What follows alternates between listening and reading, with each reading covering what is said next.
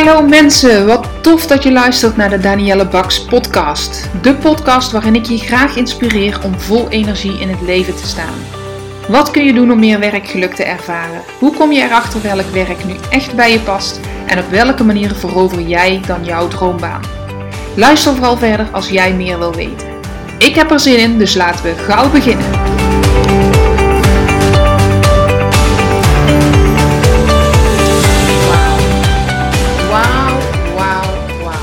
Ik vind het gewoon zo tof. De reacties die ik krijg van jullie als je een podcast hebt geluisterd. Hoe waardevol het voor je is. Hoe je geïnspireerd mag worden. Dat je het gevoel hebt dat je nog wat dingen te doen hebt. Ik vind het super tof om te horen. En ook deze podcast komt tot stand door jullie reacties. Gisteren, het was gisteren 27, uh, uh, ja, 27 mei had ik op ehm, Facebook, Instagram en LinkedIn mijn post gedeeld over tranen. En de strekking van het verhaal was ja, dat tranen iets is waar dat je je heel vaak voor schaamt. Wat vaak een gevoel oproept van ongemak. En dat ongemak voel ik ook.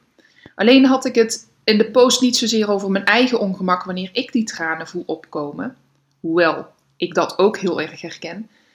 Ik had het over mijn ongemak wanneer mijn klanten tegenover mij aan tafel emotioneel geraakt werden en um, beginnen te huilen. Beginnen te huilen door iets wat ze zeggen of waar ik naar vraag en dat het ze echt raakt. En daar werd ik heel lang ongemakkelijk van. Ik dacht, jeetje, ik heb iemand aan het huilen gebracht. Um, nu moet ik er weer iets luchtigs inbrengen. Um, ik moet, weer, ik moet het minder erg maken. Ik moet iemand troosten. Maar dat hoeft helemaal niet. Sinds een aantal jaren, denk ik, merk ik dat juist op de momenten dat je emotioneel wordt, dat je moet huilen, dat dat een heel mooi moment is. Dat dat een moment is waarin je je moed toont, waarin je je kwetsbaar opstelt.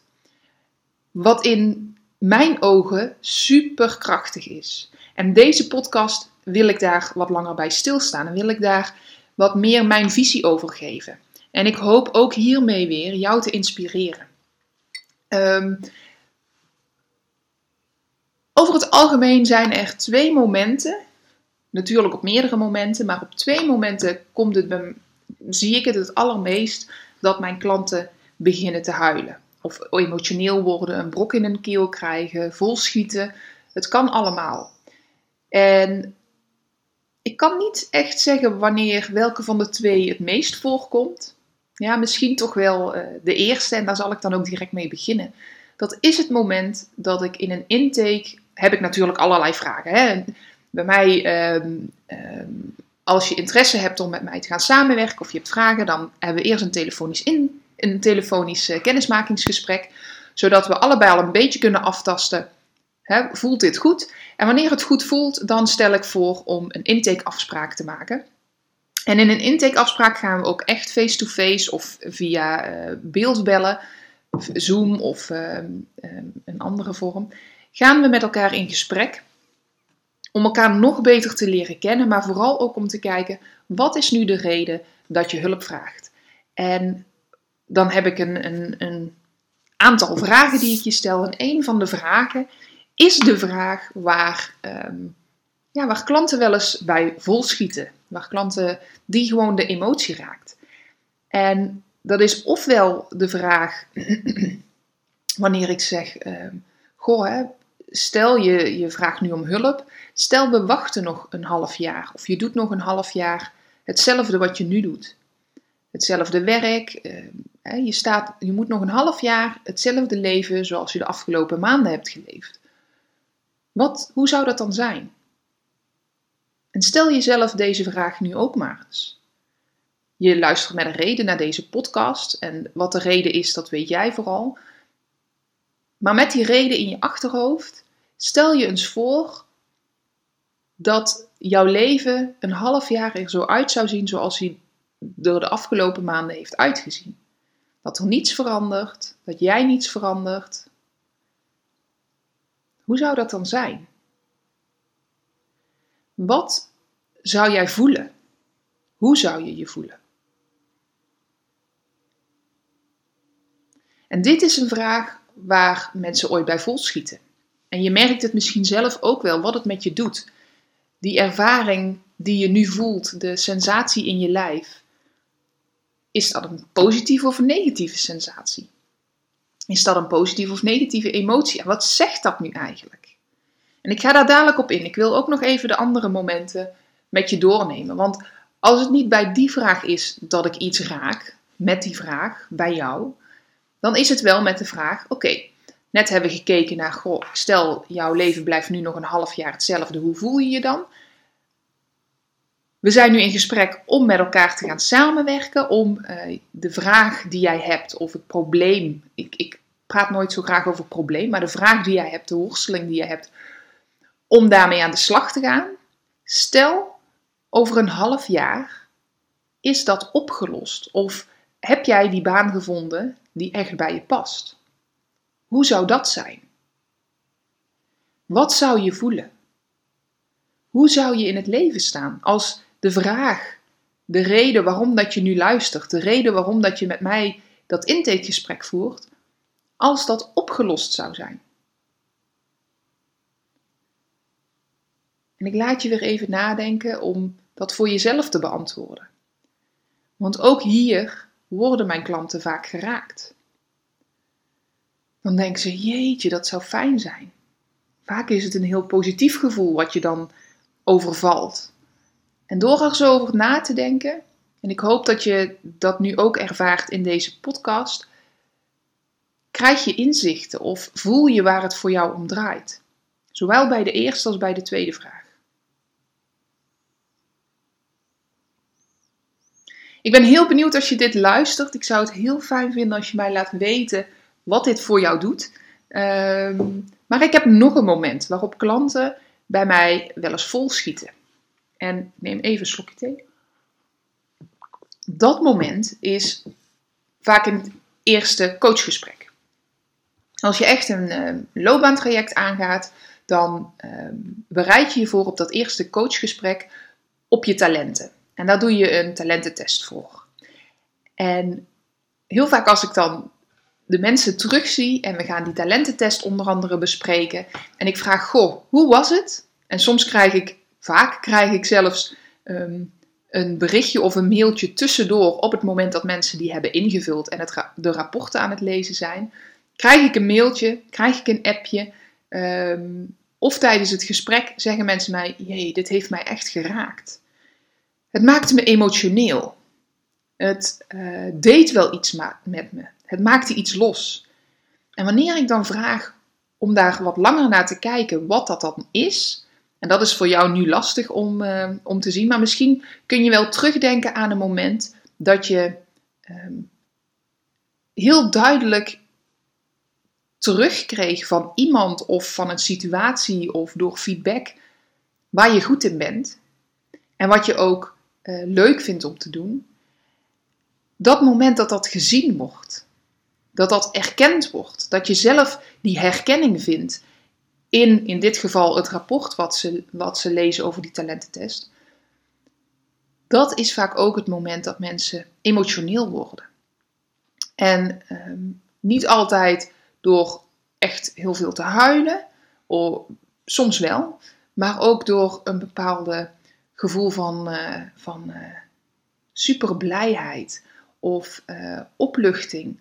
En vaak zit die erkenning er echt achter. Dat ze bij zichzelf herkennen en erkennen. Ja, dit zijn mijn sterke kanten. Dit zijn mijn talenten. Dit kan ik goed. En daar word ik blij van.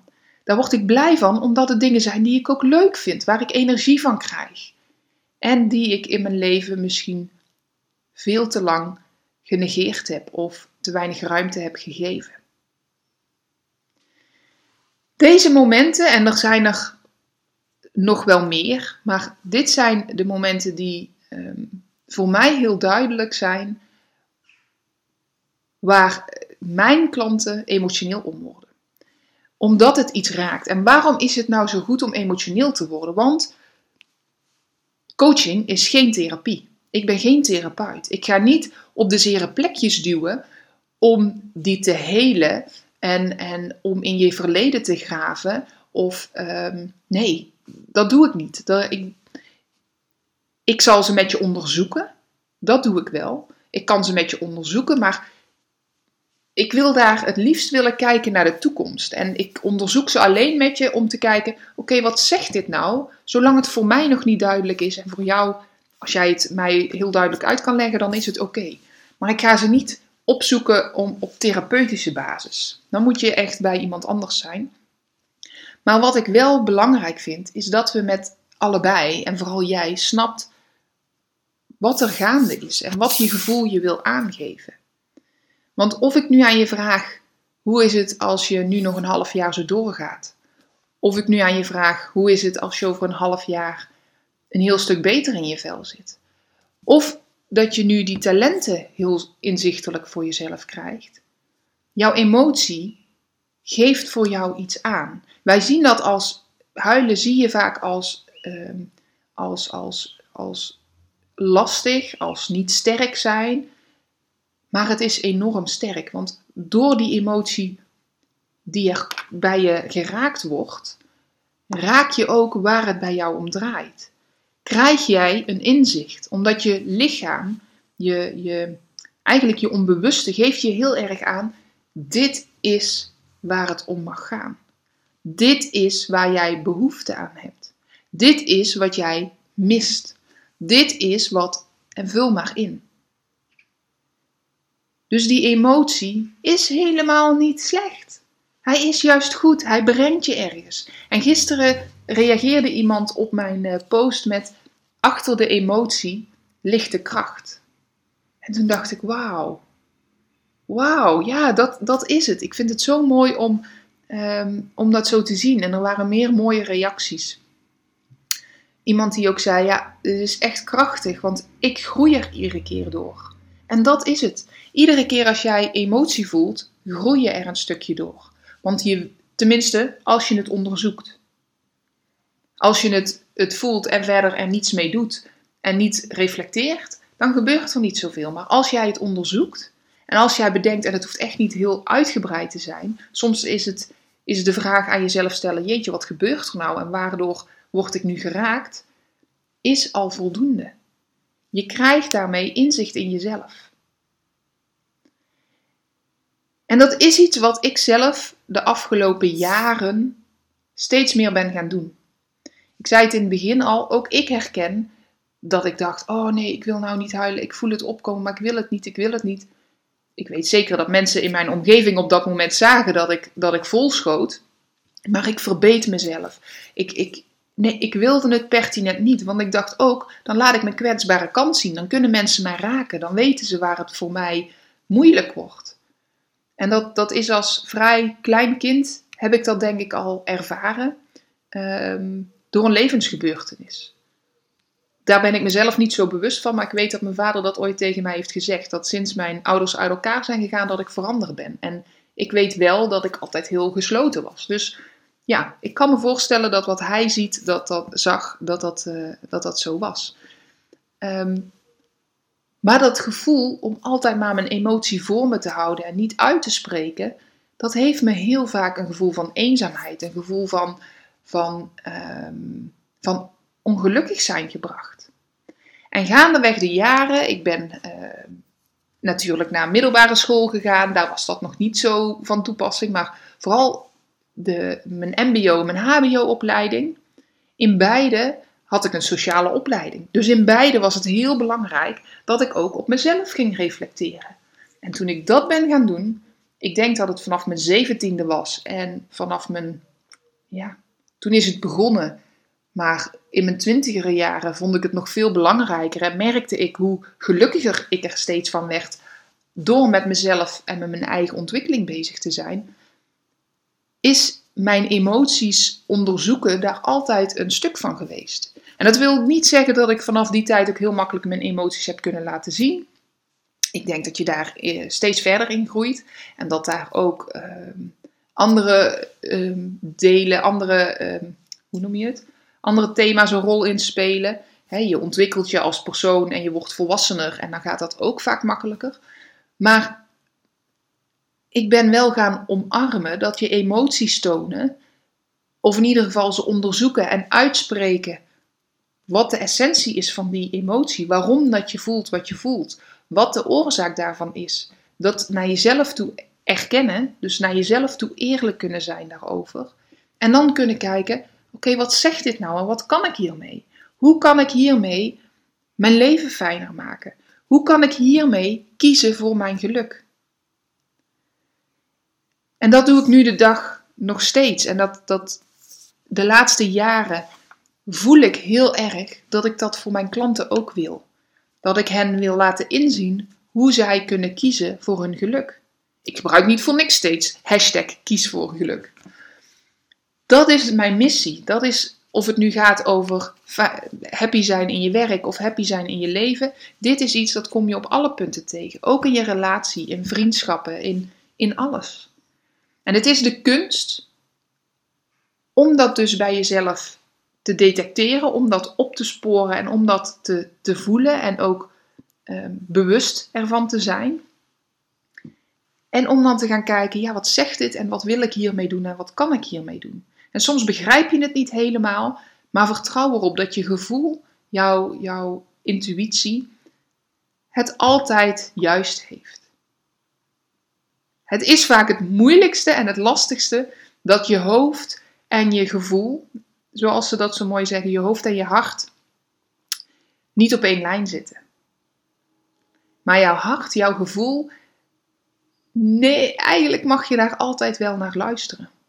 Ook al begrijpt je hoofd het nog niet, jouw, jouw gevoel, jouw hart heeft het eigenlijk altijd juist. Dus je kunt je voorstellen wanneer je geraakt wordt door een situatie of door een vraag of door een. Maakt niet uit. Wanneer jij een bepaald gevoel voelt, een emotie voelt, of dat nu blijdschap is, of verdriet of angst, ga het onderzoeken en ga kijken wat betekent dat voor jou. Wat wil dat zeggen? Wat kan je ermee?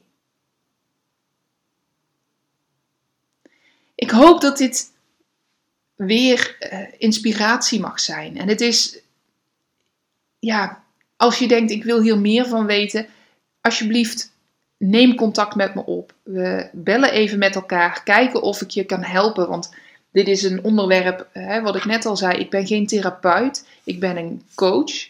Dus um, als ik merk, hé, hey, dit is meer iets voor een therapeut, dan zal ik dat ook eerlijk tegen je zeggen. Vandaar ook dat kennismakingsgesprek van tevoren. Zodat we niet onnodig jouw tijd voldoen, voldoen.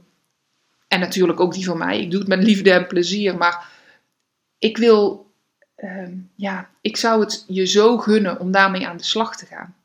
Echt. Echt. En ik kan me voorstellen dat dit ook heel veel vragen oproept. Dus neem contact met me op. We bellen even met elkaar. En als, we, als ik denk, en als jij denkt, oké, hier moeten we langer over praten, dan plannen we een intakegesprek. En ook na dat intakegesprek kunnen we weer opnieuw kijken, is dit dan iets wat ik met je kan doen? Of kun je zelf weer verder? Of kan ik je doorverwijzen met iemand die daar meer ervaring mee heeft? Of ehm, met wel een therapeut? Of stuur ik je naar de huisarts? Dat, dat kan allemaal. Dat maak ik regelmatig mee. Laatst had ik een, eh, een meisje wat heel emotioneel werd. Ja, dat was gewoon overduidelijk. En dat, dat zag ze zelf ook in tijdens het intakegesprek. Dat ze er echt helemaal doorheen zat. Dat ze veel te lang in een uh, benarde situatie was blijven zitten. Dat ze veel te lang haar gevoelens genegeerd had. Omdat haar hoofd zei: je moet doorgaan, je moet sterk zijn. Je hebt dit werk en je moet daarin presteren. Ze had zichzelf de vernieling ingeholpen. Echt waar. Echt waar. En het raakte mij enorm. Ook dat maakte mij weer emotioneel, omdat ik zag hoe ver ze eigenlijk was gegaan en hoe ze niet naar haar gevoelens had geluisterd en naar haar lichaam had geluisterd.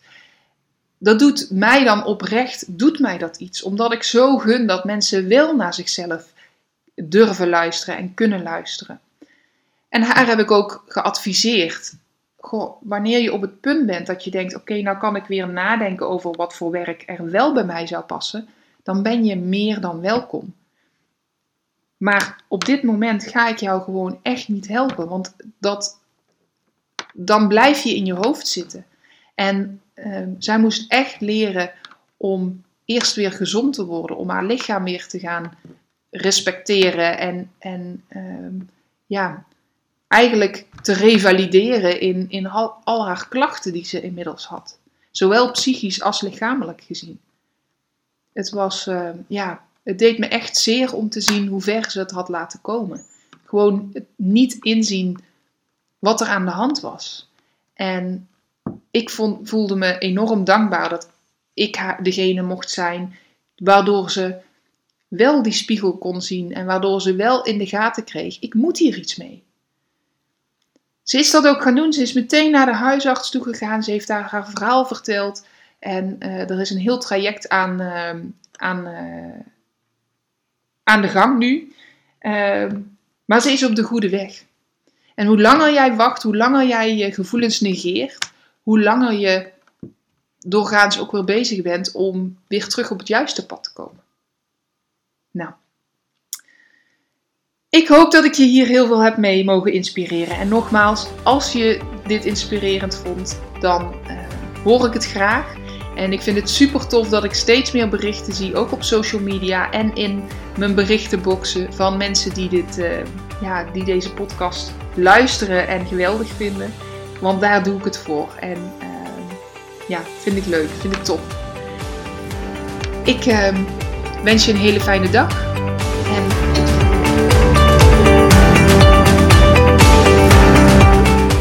Mensen, dank je wel voor het luisteren naar mijn podcast. Mocht je deze aflevering interessant hebben gevonden, maak dan even een screenshot en tag me op Instagram Stories. Ik vind het ontzettend leuk om te zien wie er luistert en door te delen inspireer jij ook anderen. Hartstikke bedankt alvast en tot de volgende keer.